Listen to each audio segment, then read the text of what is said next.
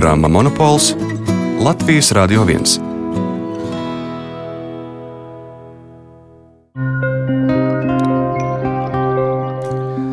Esiet sveicināti raidījumā Monopols kopā ar jums šovakar Ingus Ulmanis. Latvieši, kuri atgriežas tēva mājās. Pat izrunājot to, kļūst labāk, drošāk un pat nedaudz arī siltāk. Ar kādiem mērķiem un motivāciju atgriezās mūsu šī vakara viesņa, jautāsim viņai pašai. Ārste, geriatre Annemarija Linares. Annemarija, labvakar! Labvakar!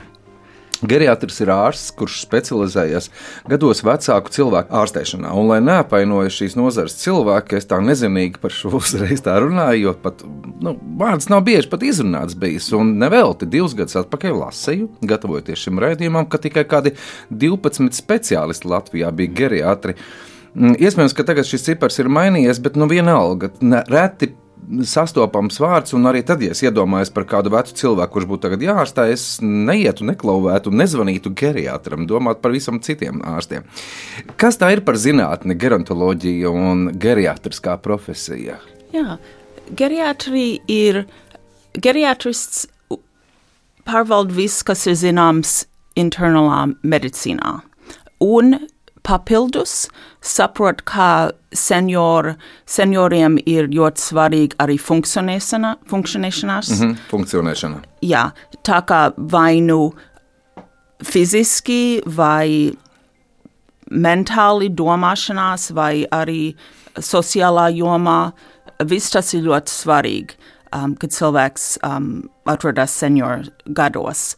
Un kādreiz daudz tās uh, profilakses, kas ir ļoti svarīgi, un screening, kas ir ļoti svarīgi jaunākos, agrākos gados, vairs nav tik svarīgi, un tagad vairāk griežās um, domas par to, kā var labi novecot, kā, kā var um, turpināt uh, kļūt par aktīvu cilvēku, fiziski um, un, un sociālā jomā arī. Mm -hmm. Vecam cilvēkam arī ir kaut kādas jau tādas paredzamas lietas, kas viņiem būs citādākas nekā jaunam, vai tā? Jā, tieši tā. Un vecākam cilvēkam jau ir daudz pieredzes, kas jaunākam cilvēkam nav, un arī vecākiem cilvēkiem no otras puses, uh, kas varbūt nav tik, um, tik labi, bet sāk mesties tās kroniskās slimības, un arī sāk mesties uh, tā problēma ar sāpēm un uh, funkcionālām problēmām, un varbūt tad kādu laiku cilvēks var, varbūt nevar vairs pa trepēm nokāpt vai aizstaigāt uz veikalu. Nu, locītavs sāp. Jā, vai viņam elpa pietrūkst, vai kāda cita iemesla dēļ. Un mm. tad, tagad tā problēma ir ne tikai no veselības puses, bet arī tā kā no sociālās puses. Tā kā, kā tas cilvēks tagad saņems pārtiku, kā viņš tiks, kur viņam jā, -hmm. jātiek.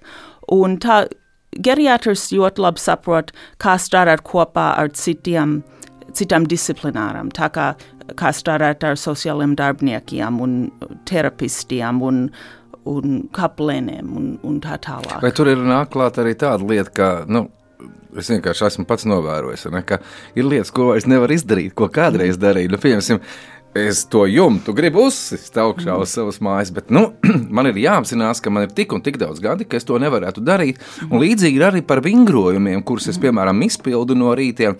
Nu, pēc laika mainās šie vingrojumi, viņi vairs nav tik aktīvi un tādi. Kāds es darīju, varbūt jaunībā.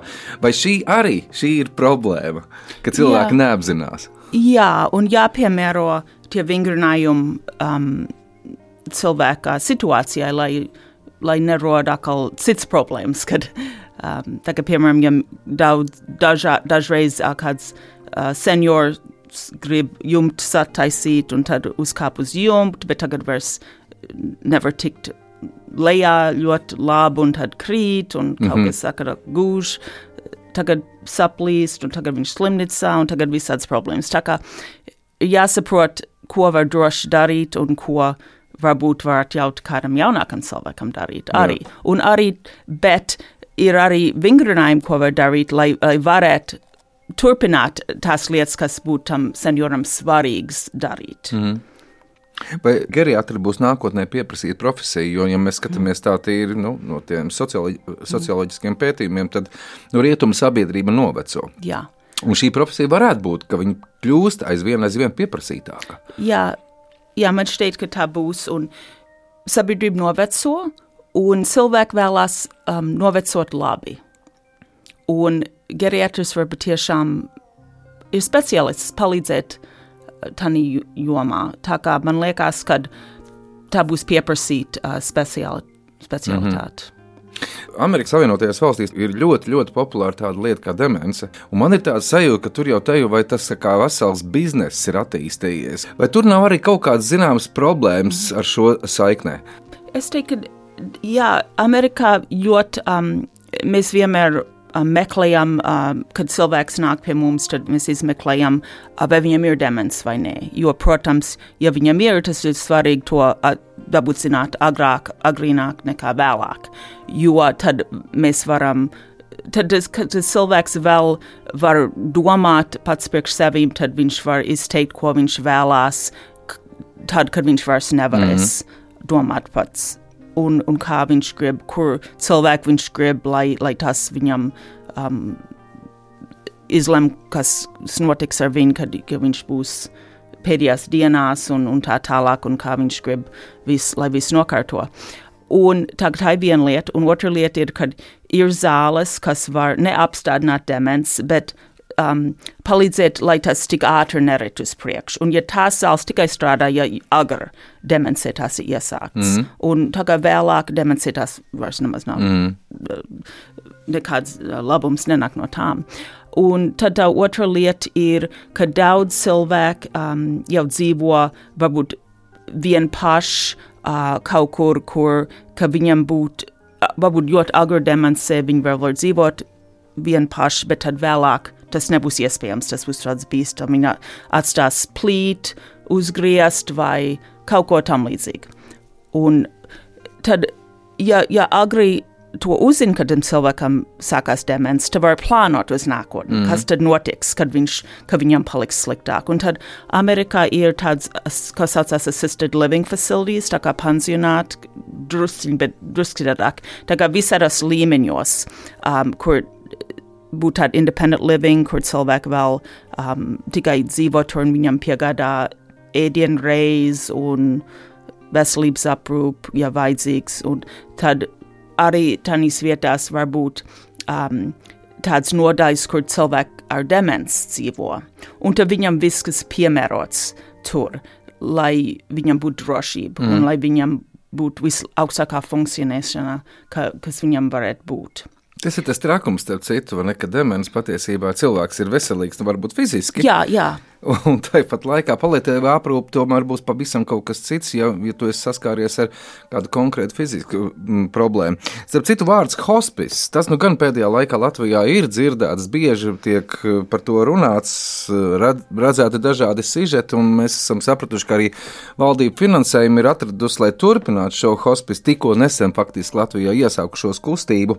Tas, ko es personīgi par hospice vispār varētu teikt, ir sekojošais, ka tas ir viens izdevīgs moments, ja mēs skatāmies arī no eh, finansējuma viedokļa visai medicīnas nozarei. Tieši tā, un eh, Amerikā mēs ļoti um, spēcīgi um, pierādījām to, ka tas ietaupa valdībai naudu. Un ne tikai tas, bet cilvēkam ir augstāka um, dzīves kvalitāte pēdējos mēnešos, augstāka miršanas kvalitāti.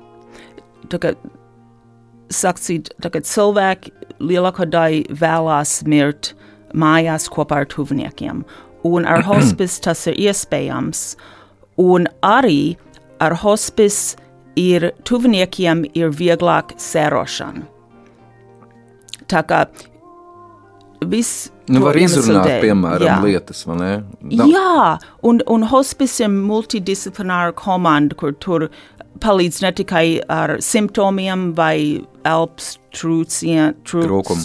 trūkums vai sāpēm vai kaut kāds cits uh, slikts dušs vai visādiem simptomiem, bet arī tur palīdz no tagad sociālo, psihoemocionālo um, puses ar palīdzēt, ja, ja kāds grib atti atjaunot attiecības ar kādu cilvēku, ar ko viņam bija mm. slikta attiecības, tad palīdz ar to, vai varbūt kaut, kaut kāds garīgs uh, lieta viņam ir sirds, ko viņam vajag sakārtot, tad viss tas um, ir ļoti izpalīdzīgs. Un tad tuviniekiem arī ir um, sēra speciālisti, palīdz tuviniekiem gan pirms miršanas, gan vienu gadu pēc tam arī. Mm.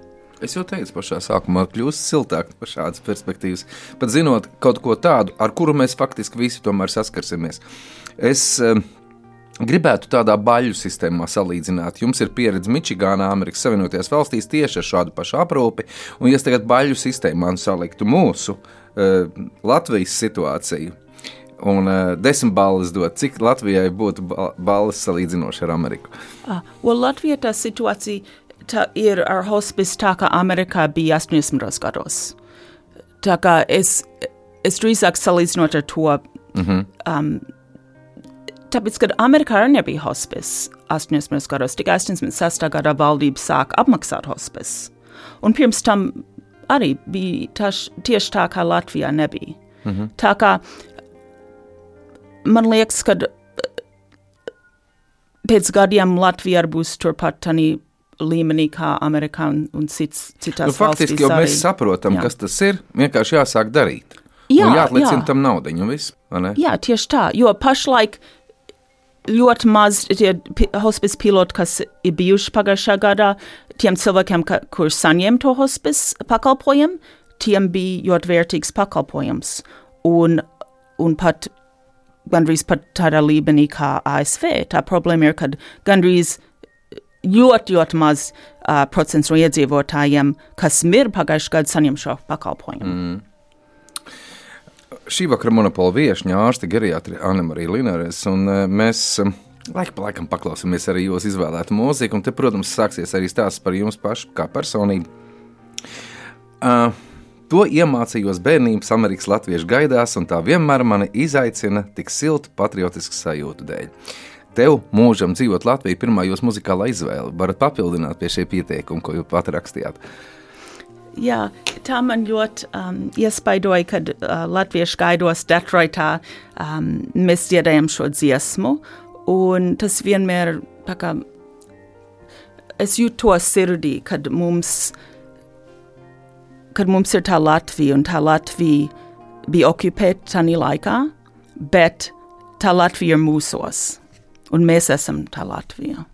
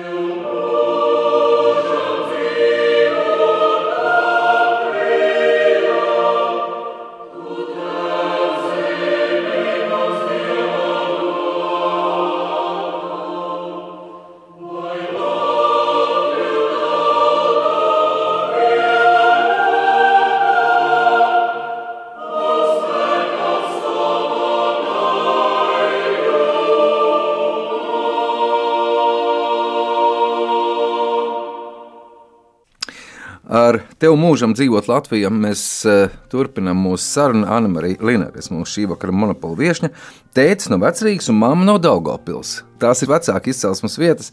Vai viņu likteņstāsts ir līdzīgs ar daudzu jauniešu tā laika jauniešu stāstu pēc otrā pasaules kara?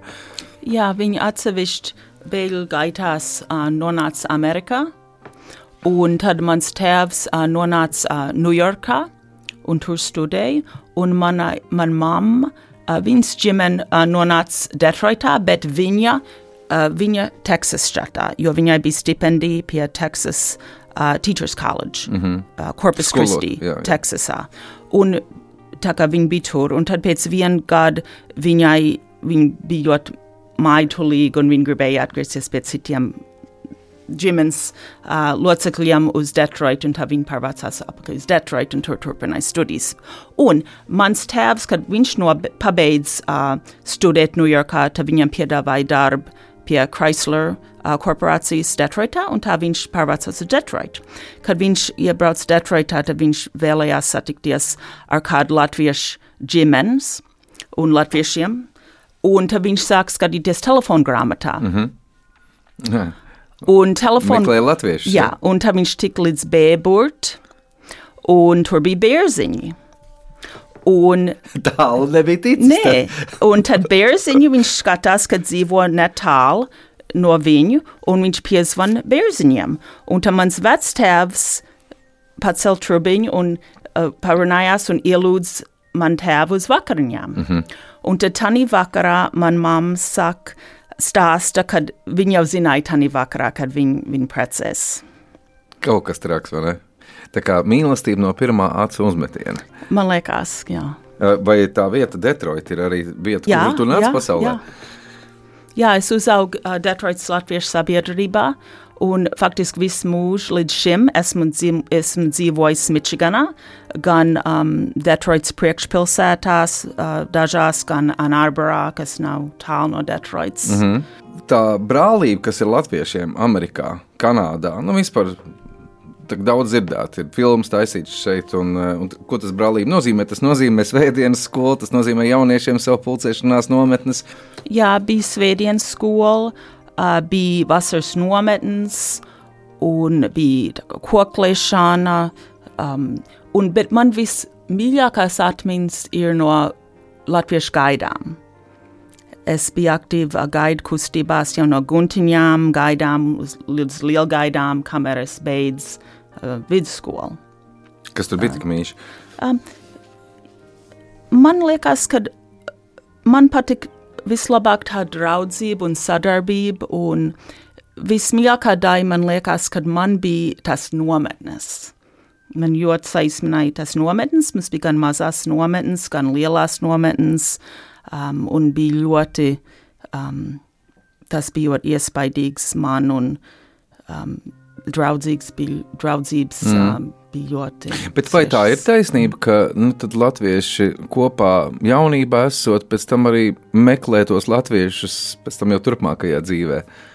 Nu, savā starpā, lai draudzētos kaut vai. Ja? Jā, un es esmu um, korporācija Zintra locekle, un man mamma arī bija Zintra, un caur Zintra uh, korporāciju es esmu satikusi tik daudz uh, latviešu jau caur visu manu mūžu, un, un arī caur latviešu baznīcu.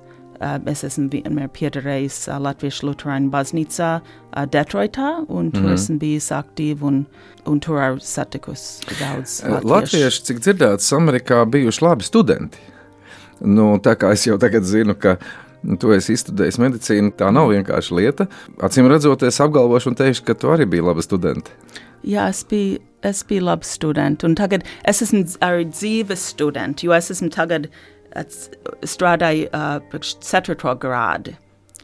Man bija pirmā grāda, bija bakalaura grāda, uh, viņi saucās Biomedical Science no Michiganas mm -hmm. Universitāte, un tad medicīnas fakultāte, tas doktora grāda med medicīnā no Michiganas Universitāte, un tad es um, gāju juridiskā fakultātē Wayne State University Detroitā mm -hmm. un iegūju um, doktora grādu juridiskās zināšanās, un tagad pašlaik es studēju maģistra grādu um, biznesā. E, par šiem grādiem mēs vēl nedaudz sarunas vēl, vēlākajā brīdī, bet es gribēju tev pajautāt, tomēr medicīna ir viena specifiska nozara, kad cilvēks izvēlās, ko tādu darīt. Kas tevi pamudināja à. interesēties par medicīnu? Jā, man liekas, ka viss agrākās atmiņas ir, kad es biju maza meitiņa, un es lasīju kādu bērnu grāmatu um, par puisi, kas gāja uz slimnīcu, jo viņam vajadzēja kaut kādu mazu operāciju tur.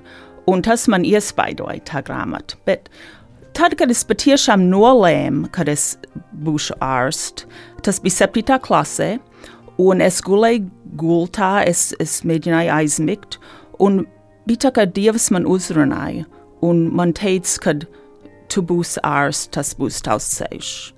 Un tā es piekrītu, un jā, um, viss, kas tikai tā notika, un, un tas, tas ir bijis mans mm. ceļš. Bet ne vecāki, ne viņu ne, ierosme, ne kaut kādu radinieku, kāds ne. onkulis, kurš bija labs dakteris, nekas ne, tam līdzīgs. Neviens ārsts mūsu ģimenē nav, nav bijis.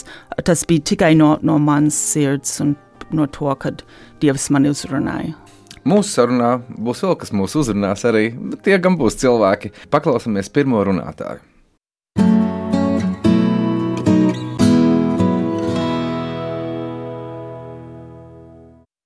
Anna Marija Linares uh, ir uh, pirmkārt jau cilvēks, kuru ir prieks pazīt. Es esmu ļoti, ļoti gandarīta, ka man ir bijusi tā iespēja ar viņu satikties, un uh, nekas jau nav nejauši, tāpēc uh, par to es ļoti nebrīnos. Esmu pat tiešām gandarīta, ka uz pasaules ir tādi cilvēki. Klātienē mēs varējām satikties pateicoties organizācijai, kurā mēs abas divas esam. Tā ir Latviešu ārstu un zobārstu apvienībā, jeb saīsināti Lāza. Faktiski Lāza mūs satuvināja un iepazīstināja. Par Annu Mariju domājot, es gribu teikt, kā viņas domāšanas veids un tās sajūtas un pasaules uh, uztvere, kāda piemīt viņai, ir man tik uh, atbilstoša manai būtībai. Man liekas, ka es varētu teikt, ka es viņu zinu jau ļoti sen. Un Anna Marija ir ļoti mērķiecīgs cilvēks. Ja viņa sāks savas domas realizēt darbos, tie darbi būs ar rezultātu. Un viņa ir ļoti harmoniska tā tāda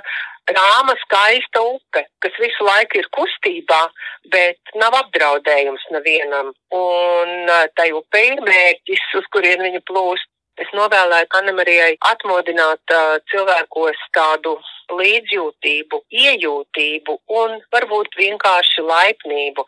Tās ir tās īpašības, kuras cilvēkos parasti kā bērnos ir, bet tad tiek atdīdītas dažādu materiālu un citu nesevišķi svarīgu lietu dēļ un atstātas, varētu teikt, novārtā, un tad ir ļoti labi, ka kāds cilvēks mums palīdz tās atkal ieraudzīt, cik tās ir būtiskas un svarīgas. Tas, ko es gribētu Anna Marijai pajautāt, kādu viņa redz Latviju, jo Anna Marija ir dzīvojusi Amerikas Savienotajās valstīs un noteikti par Latviju viņai bija kāds priekšstats, bet kādu viņa redz to Latviju.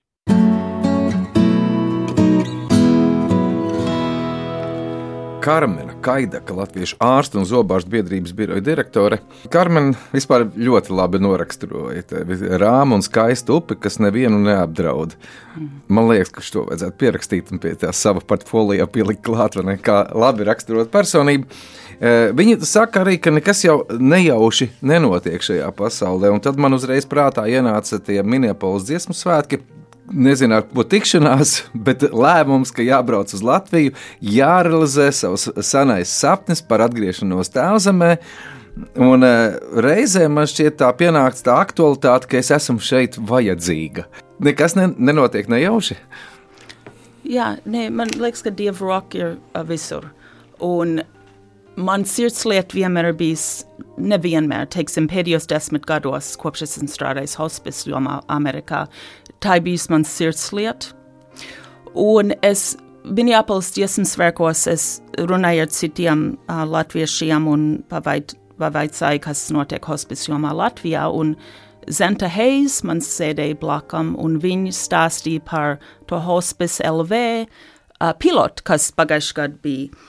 Un viņu pazina Dācis Jusmanis, kur kaplēna tur, un iepazīstināja man ar viņus, un tā es, es uzzināju vairāk, kas te notiek, un es patiešām sapratu, ka uh, man pieredze un man zināšanas um, būtu patiešām vērtīgi šeit, un man situācija darbā bija tāda, ka es varēju man bija tā kā iemesls atstāt darbu, jo tā firma kurs bija, um, mums bija uh, private equity takeovers, un tad viss um, tie galvenie līderi, sevi ieskaitot, uh, mums tā kā atlaid no pozīcijām, bet es, es paliku jau palīdzēt viņam ar to izbeigšanu. Izbeigšanu un visu, mm -hmm. un tad kā bija dabīgi laiks kaut ko citu meklēt.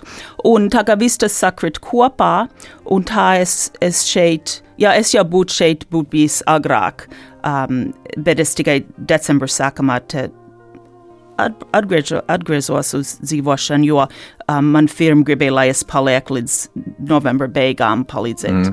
uh, visu savest kārtībā tur. Um, jā, un tad es esmu šeit, un es esmu ļoti priecīga uh, dzīvot Latvijā un būt rīdznieks. Un vienīgā lieta, kas man patiešām pārsteigoši šeit ir, ir cik daudz veikalu šeit ir. Tas Tā, bija jā. patiešām pārsteigoši, cik daudz tie uh, iepirkšanas mall šeit ir. Aha.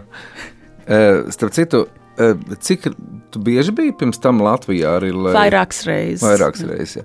Nu, tas, ka tu esi ciemojies Latvijā, tas tomēr atšķirās no tā, ka tu sāc dzīvot Latvijā. Un tad Karmenis jautājums, kādu tu redzi Latviju varbūt no šāda aspekta dzīvot Latvijā. Un, nu, kas, kas ir, nezinu, varbūt mainījies no ciemiņa uz rīdzinieku? Jā, es jūtos, kad es piederu šeit, un tagad es jūtos beidzot, kad es esmu savā zemē, kur es piedaru. Jo Amerikā es nekad neuzskatīju sevi kā, kā amerikāni, es uzskatīju sevi kā latvieti, kurš dzīvo Amerikā.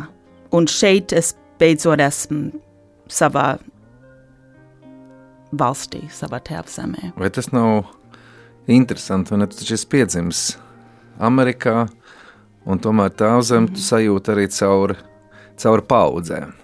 Jā, tieši tā. Jā. Gaudījāmus! Mēs jau iesākām runāt par mācīšanos, par studentu dzīvi, par studentu korporācijām, par draugiem. Tajā visā noklausāmies šo skaisto skaņdarbu un tad turpinam mūsu sarunu.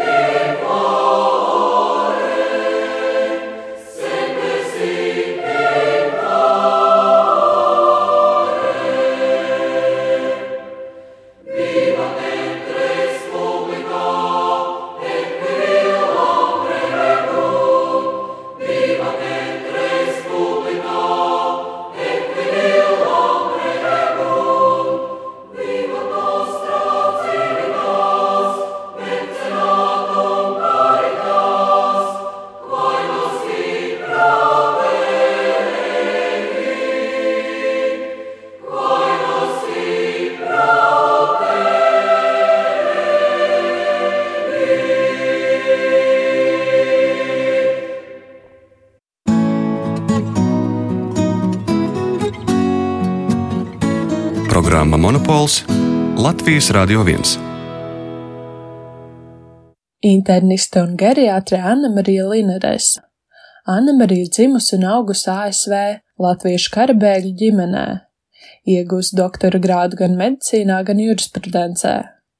Viņai ir ievērojama pieredze medicīnā, 15 gadus darbojusies kā kardioloģijas nodaļas vadītāja multispecialitāšu grupā klīnikā Downriver Medical Associates un vairāk kā 11 gadus aizvadījusi privātajā uzņēmumā US Medical Management, kur darbojusies gan kā medicīnas galvenā vadītāja, gan pacienta aprūpas centra medicīnas vadītāja un hospisa medicīnas vadītāja. Aizvadītā gada rudenī Anna-Marija no Amerikas pārcēlusies uz Latviju, lai arī šeit palīdzētu ieviest hospisa mājas aprūpi valstiskā līmenī.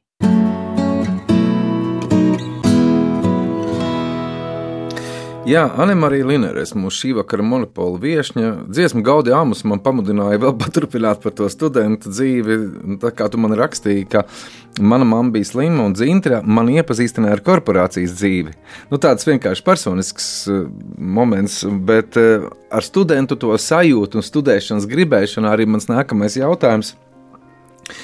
Doktora grāts, studijas biznesā nu, tur jābūt kaut kādiem iemesliem, kam dēļ ārsts vēlas kaut ko tādu studēt un šādā veidā sevi papildināt.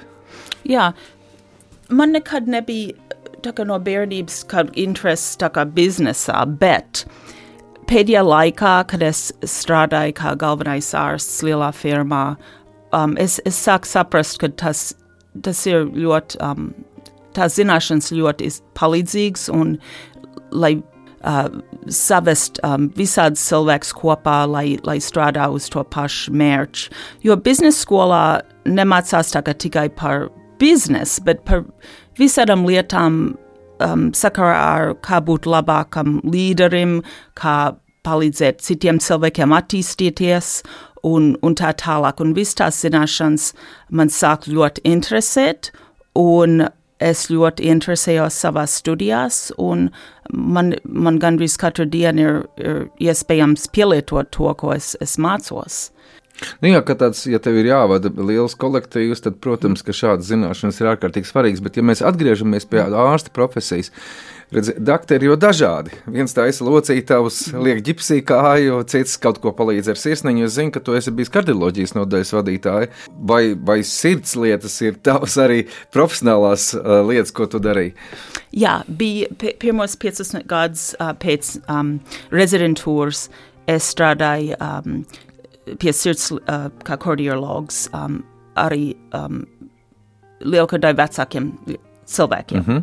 Tā kā es, es apvienoju to geriatriju un kardioloģiju. Jau tajā laikā. Jā, tajā laikā, jā. Mm -hmm. Un tad uh, pēc tam, tad, kad es iesāku strādāt pie US Medical Management firmas, tad es, es biju tā kā plašākā, teiksim, laukā, ka mēs tā kā pr uh, primāro medicīnu piedāvājam uh, cilvēkiem, kam bija kroniskās slimības, un tur, protams, bija daudz cilvēku ar sirdslimībām, bet mm -hmm. arī bija cits arī. Un tad ar tām kroniskām slimībām uh, tur nāca vajadzība uh, paliatīvā aprūpē, un tad beigās ar hospice aprūpu arī. Tā kā man tad paplašinājās uh, viss tās tā darbība uz, uz citiem papla, plašiem laukiem arī, ne mm -hmm. tikai ar sirdslimībām. Anna-Marija, vēl viena vizītkarte, vēl viens tev pazīstams cilvēks. Šoreiz man liekas, tas būs atceļojis no Amerikas. Klausamies!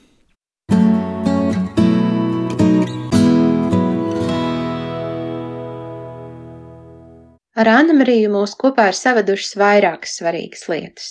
Tas, kā abas esam dzīvojušas, mācījušās, strādājušas ASV, mūsu sirdsdarbs, kas saistās ar palītīvo aprūpi un hospisu, un tāpat nesen abas esam pārcēlušās uz dzīvi Latvijā, lai šeit palīdzētu veidot augstas kvalitātes aprūpi un nodrošinātu ikvienam valsts iedzīvotājiem cieņpilnu mūža nogali un profesionālu atbalstu viņa ģimenē. Mūs abas saista arī ticības ceļojums un uzticēšanās tam, ka ar Dievu palīgu šajā procesā viss notiks tā, kā tam jānotiek. Anna Marijai piemīt īpašs gaišums, draudzīgums, atvērtība, viņa ir ļoti iejūtīga pēc dabas un tāpat arī lieliska klausītāja, Man nekad nav bijusi sajūta, ka viņa te būtu atbraukusi kādu pamācīt, bet drīzāk uzklausīt, atbalstīt un izmantojot savas zināšanas, gudrību un bagāto pieredzi šo vidi pilnveidot. Es novēlu Annemarijai, lai Latvija ir un paliek viņas mājas, lai neskatoties uz šķēršļiem, izaicinājumiem, kas vienmēr ir visos kontekstos, visās valstīs,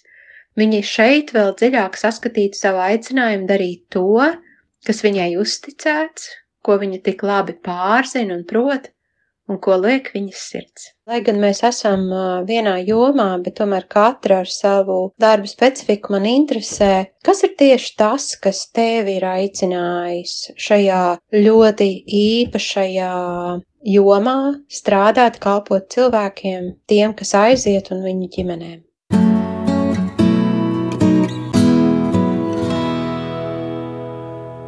Dace. Dace Zušmane, kapelāna, mācītāja un sērošanas speciāliste. Dace uzdod šādu jautājumu. Nu, varbūt arī viņu sāksim. Kāds ir tavs personīgais iemesls kalpot cilvēkiem, kas aiziet? Jā, mēs visi aiziesim. Un no to mēs nevaram izvairīties. Un Latvijā, kā arī citās zemēs, cilvēki tā kā negrib brīvi runāt par to, ka viņi aizies kādu dienu. Un tas nav populārs temats, par ko runāt pie pie galda. Un, bet tā, tamdēļ mēs neplānojam uz to, kā mēs mirsim un kā mēs gribam, lai tā miršana notiek. Jo lielāka 90% no miršanām ir tā kā jau zināms, ka, ka tas cilvēks mirst. Tas nav tā kā pēkšņi uz momentu, kad par visam nesagaidīts tas cilvēks mirst. Un es saprotu, ka kā, dzemdībās mēs plānojam jau, kas notiks un kā tas notiks un kā tur būs, bet uz miršanas tur vajadzētu būt vismaz tāda tā pat plānošana, un patiešām mums nevajag baidīties no to pēdējo dzīves posmu, jo tas, tas posms var būt faktiski visbrīnišķīgākais posms no mūsu dzīves. Tur var būt visādi, visādas iespējas, um, kaut ko mīļu pateikt, vai uh, kaut kur uh, attiecības atjaunot, vai visādi brīnumi var tādā posmā notikt. Un tas nav jābūt sāp, tas nav jābūt briesmīgs un vientuļš un sāpīgs um, posms. Tas varētu būt brīnišķīgs posms. Un manā pieredzē pēdējos 11 gados, kad es esmu strādājis hospice jomā, es esmu redzējis to, kad ar hospice pakalpojumu cilvēki patiešām tas atš tā atšķirība ir tik tā kā dienu un nakts. Ja, ja cilvēkiem ir piedāvāts tas pakalpojums un viņi to var baudīt pēdējos sešu mēnešu, pilnā posmā, tad patiešām tā, tā miršana ir tik daudz labāk un, un tā sērošana ģimenei ir, ir tik daudz vieglāk. Un tas ir reāls, tas, tas var būt tā. Nav, tā miršana nav kaut kas, par, par ko mums ir jābaidās. Dace kaut kā man uzmundināja uz tādu jautājumu, un arī viss tavs iepriekš, pirms, pirms tam runātais, un arī tagad, ko tu saki. Kā tu varētu raksturot savu tādu ticības ceļojumu? Cik viņš tev ir bijis svarīgs un nozīmīgs? Tas ir viss. Man, viss man dzīve um, no bērnības jau es jūtu, ka Dievs man vada un viņš ir mans viss. Tas tur nekas, bez Dieva nekas tur nebūtu. Viņš man vada tā, tāpat kā tieši kā viņš man atved šeit uz Latviju dzīvot.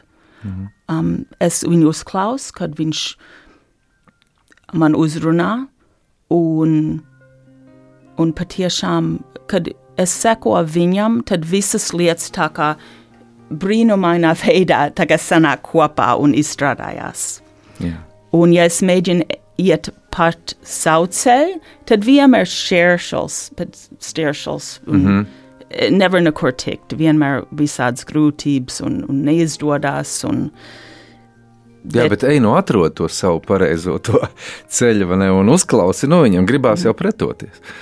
Nē, es negribu viņam pretoties, jo es jau zinu līdz šim laikam manā dzīvē, kad pretošanās dievam tas, tas neko nedod. Muļķīgi, tas, tas ir patiešām muļķīgi. Un, jā, tā kā kad dievs man uzrunāja, kad jābrauc šeit uz dzīvi, tad jā, es, es labprāt um, nebija nekāds šaubas. Un arī manam vīram, viņš, viņš arī bija uzrunājis manu vīru, un mans vīrs arī bija ļoti priecīgs šeit braukt uz dzīvi. Um, bet, bet viņš, viņš nemaz neprot latviešu valodu, un viņš nav latviečs, bet viņš jūt to, ka Dievs arī viņu uzrunāja, kad mums, mums abiem ir šeit jābūt. Skaista ir jaunība. Tava nākošā dziesma, kuru mēs tūlīt klausīsimies, paklausāmies šo jauko, jauko, skaisto dziesmu.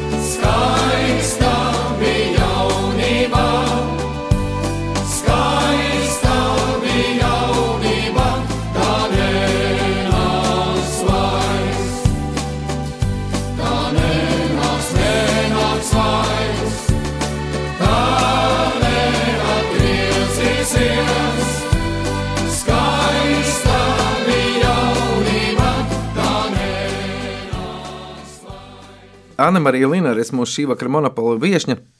Kad tu saprati, ka jaunība nenāks vairs? Sen jau? O, nē, tā lieta ir tā, ka to jaunību nevar atstāt. Jaunība jāņem tev līdzi. Es nekad neesmu atstājis to jaunību, tā mm -hmm. kā man vēl. Tā jaunība Tev- nav nekur aizgājusi. Tātad vēl viss vēl priekšā. Paklau pastāst par Oskaru.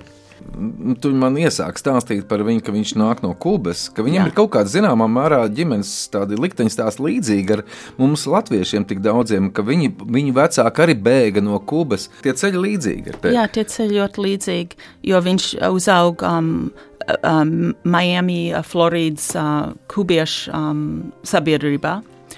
Un viņa vecāka, uh, viņš, viņš dzima Kubā.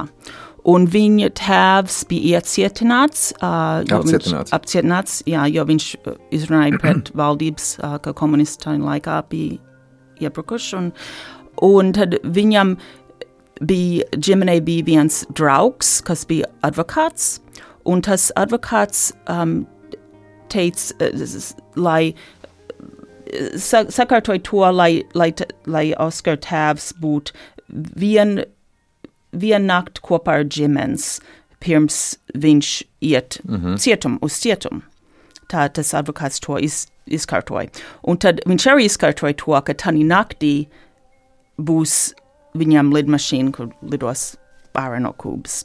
Un tagad viņš iz, izsakārtoja visu to, un tad tam dēļ tam advokātam bija tagad 20 gadu, viņam pašam 20 gadu cietoksnī bija. Un tas ģimenes jau ļoti tuvs vēl līdz šai dienai. Uh, bet tā man, um, uh, mans vīrs nokļuva um, Floridā un uzauga tur, un tad uh, viņš arī kļuva par ārstu, par geriatru, un tad viņš uh, rezidentūra um, Michigan, Michiganā uh, darīja, un tur mēs satikamies uh, Michiganas universitātē, kad viņš jau bija nobeidzis savu rezidentūru, un es vēl biju rezidentūrā. Jā, cik paralēli un apbrīnojami stāst. Tev, tu vispār esi bagāta mamma. Man sacīja, ka tev ir veseli seši bērni. Jā. Pa visiem jātur rūpe. Mazbērni arī jau trīs nākuši Jā. pasaulē. Nu, nu, varētu teikt, kupla ģimene. Jūs bieži kopā sanākat. Uh, jā, mēs sanākam, bet nebieži visi, visi kopā. Bet jā, mēs sanākam bieži. Bet liekas, ka vienmēr ir varbūt viens, kas tur ne- nevar tikt. Mhm, nu jā. Jā, Bet Paklau, varbūt vajadzētu jaunu tradīciju. Mhm. Uzbūvēt Latvijā lauku sētu, lauku mhm. māju. Nu, aicināt visus, piemēram, uz Līgo svētkiem šeit. Mhm. Tad nevarēs, nu, tomēr, kad atbrauc uz šejienes, tad visiem gribot, negribot, būs jābūt vietu. jā, jā noteikti. Jā, tā ir. Nu, vai šāda Laba ideja? Labi ideja. Starp citu, kur, kur jūs tagad ar Oskaru dzīvojat? Mēs Latvijā? dzīvojam um, Rīgā, mm -hmm. uh, klusajā centrā. Jā. dzīvoklī. Tas, ko Dārsa vispār Zošmana, ko nedaudz viņa pieskārās, ka viņa sacīja, ka nu nekur jau nav ideāls. Tāpat tās tev vienmēr būs jāsaskarās ar visādām problēmām un lietām. Eh, Ja tu tā īsumā varētu kaut kādas divas, trīs lietas nosaukt, nu, kur ir mūsu problēmas, kāpēc cilvēki varbūt vairāk neatgriežas Latvijā? Man visgrūtākā lieta bija atstāt bērns un mazbērns. Mm. Un man liekas, ka citiem varbūt tā, tā lieta ir um, atstāt bērns un sevišķi. Jā, tā, tā būtu noteikti pirmā, pirmā vietā. Un tad arī um, varbūt atstāt um, savu darbas vietu, ja, jo Amerikā mm, var labi pelnīt un Jā, un atstāt visu to. Tā būtu viena lieta, un tad arī man liekas, ka varbūt domājot, ka šeit tā kā lietas varbūt nav tik labi sakārtotas, ka tā kā vecumā nebūs um, kur iet, kur, kur dzīvot tādā vietā, kas būtu piemērots, un, un kad viss tā miršanas process, hospice, tā kā veselības aprūp um, senioriem varbūt nav tik labi iekārtot uh, kā Amerikā. Nu, tā kā bai, nobai, nobaidās cilvēki. Jā, mm. varbūt. Jā. Tu zini, eh, mūsu saruna tikpat kā galā. Man ārkārtīgi gribējās vienu tādu, tev, ko tu man sūtīji, nolasīt uh, par to pašu jaunību, ko tu man teici. Ka mans risinājums ir nelaist to jaunību garām. Es vienmēr cenšos saglabāt jaunības garu, jo tas man ir vajadzīgs līdz pat nāvei. Bet aizsaulē redzu sevi skraidot un meklējot aizgājušos radiņus. Man tas lika pasmaidīt un pašam sevi sajusties nedaudz drošāk. Man šķiet, ka arī mūsu saruna kaut kādā veidā tādu drošību sajūta par to, ka gal galā varbūt ka nav ko baidīties no tās arī pēdējās stundiņas, un kā tu teici, ja mēs gaidām jaunu dzīvību pasaulē, tad mēs varam tāpat gaidīt arī tādu jauku aiziešanu no šīs pasaules. Anna arī Linaris, mūsu šī vakara monopola viesņa, mēs beigsim ar tavu kāzu un tavu un Oskaru kāzu dziesmu. Kā jūs abi lidojāt uz viena paklāja par šo brīnumaino pasauli. Tā dziesma bija um, Oskara izvēlētā dziesma mūsu kāzās, un um, es jūtu, ka patiešām tā ir mūsu dziesma, jo mēs lidojam par to paklāju, to burvju paklāju pa visu pasauli, un Dievs tikai mūs rāda, kur mums jāiet. Un, un viss, kas, un, un, te, un visādi brīnumi mums tagad tiek atklāti, ja mēs tikai varam to saredzēt. Pasaule ir brīnumaina. Ārste, geriatri, Anna-Marija Lineris, šī vakara monopola viesņa. Savukārt mēs atvadāmies vizītkarti šovakar veidoja Marta Debrabojska, pieraksts pulcerējums Budze, mūzikas redaktora Dācis Stalidzēna, kopā ar jums biju es Ingus Ulmanis. Labvakar!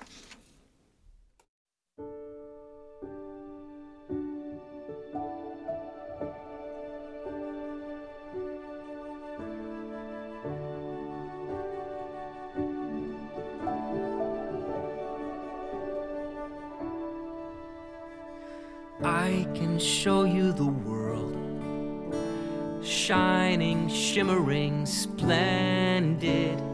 Tell me, princess, now when did you last let your heart decide? I can open your eyes, take you wonder by wonder, over, sideways, and under on a magic carpet ride. A whole new world, a new fantastic point of view. No one to tell us no, or where to go, or say we're only dreaming.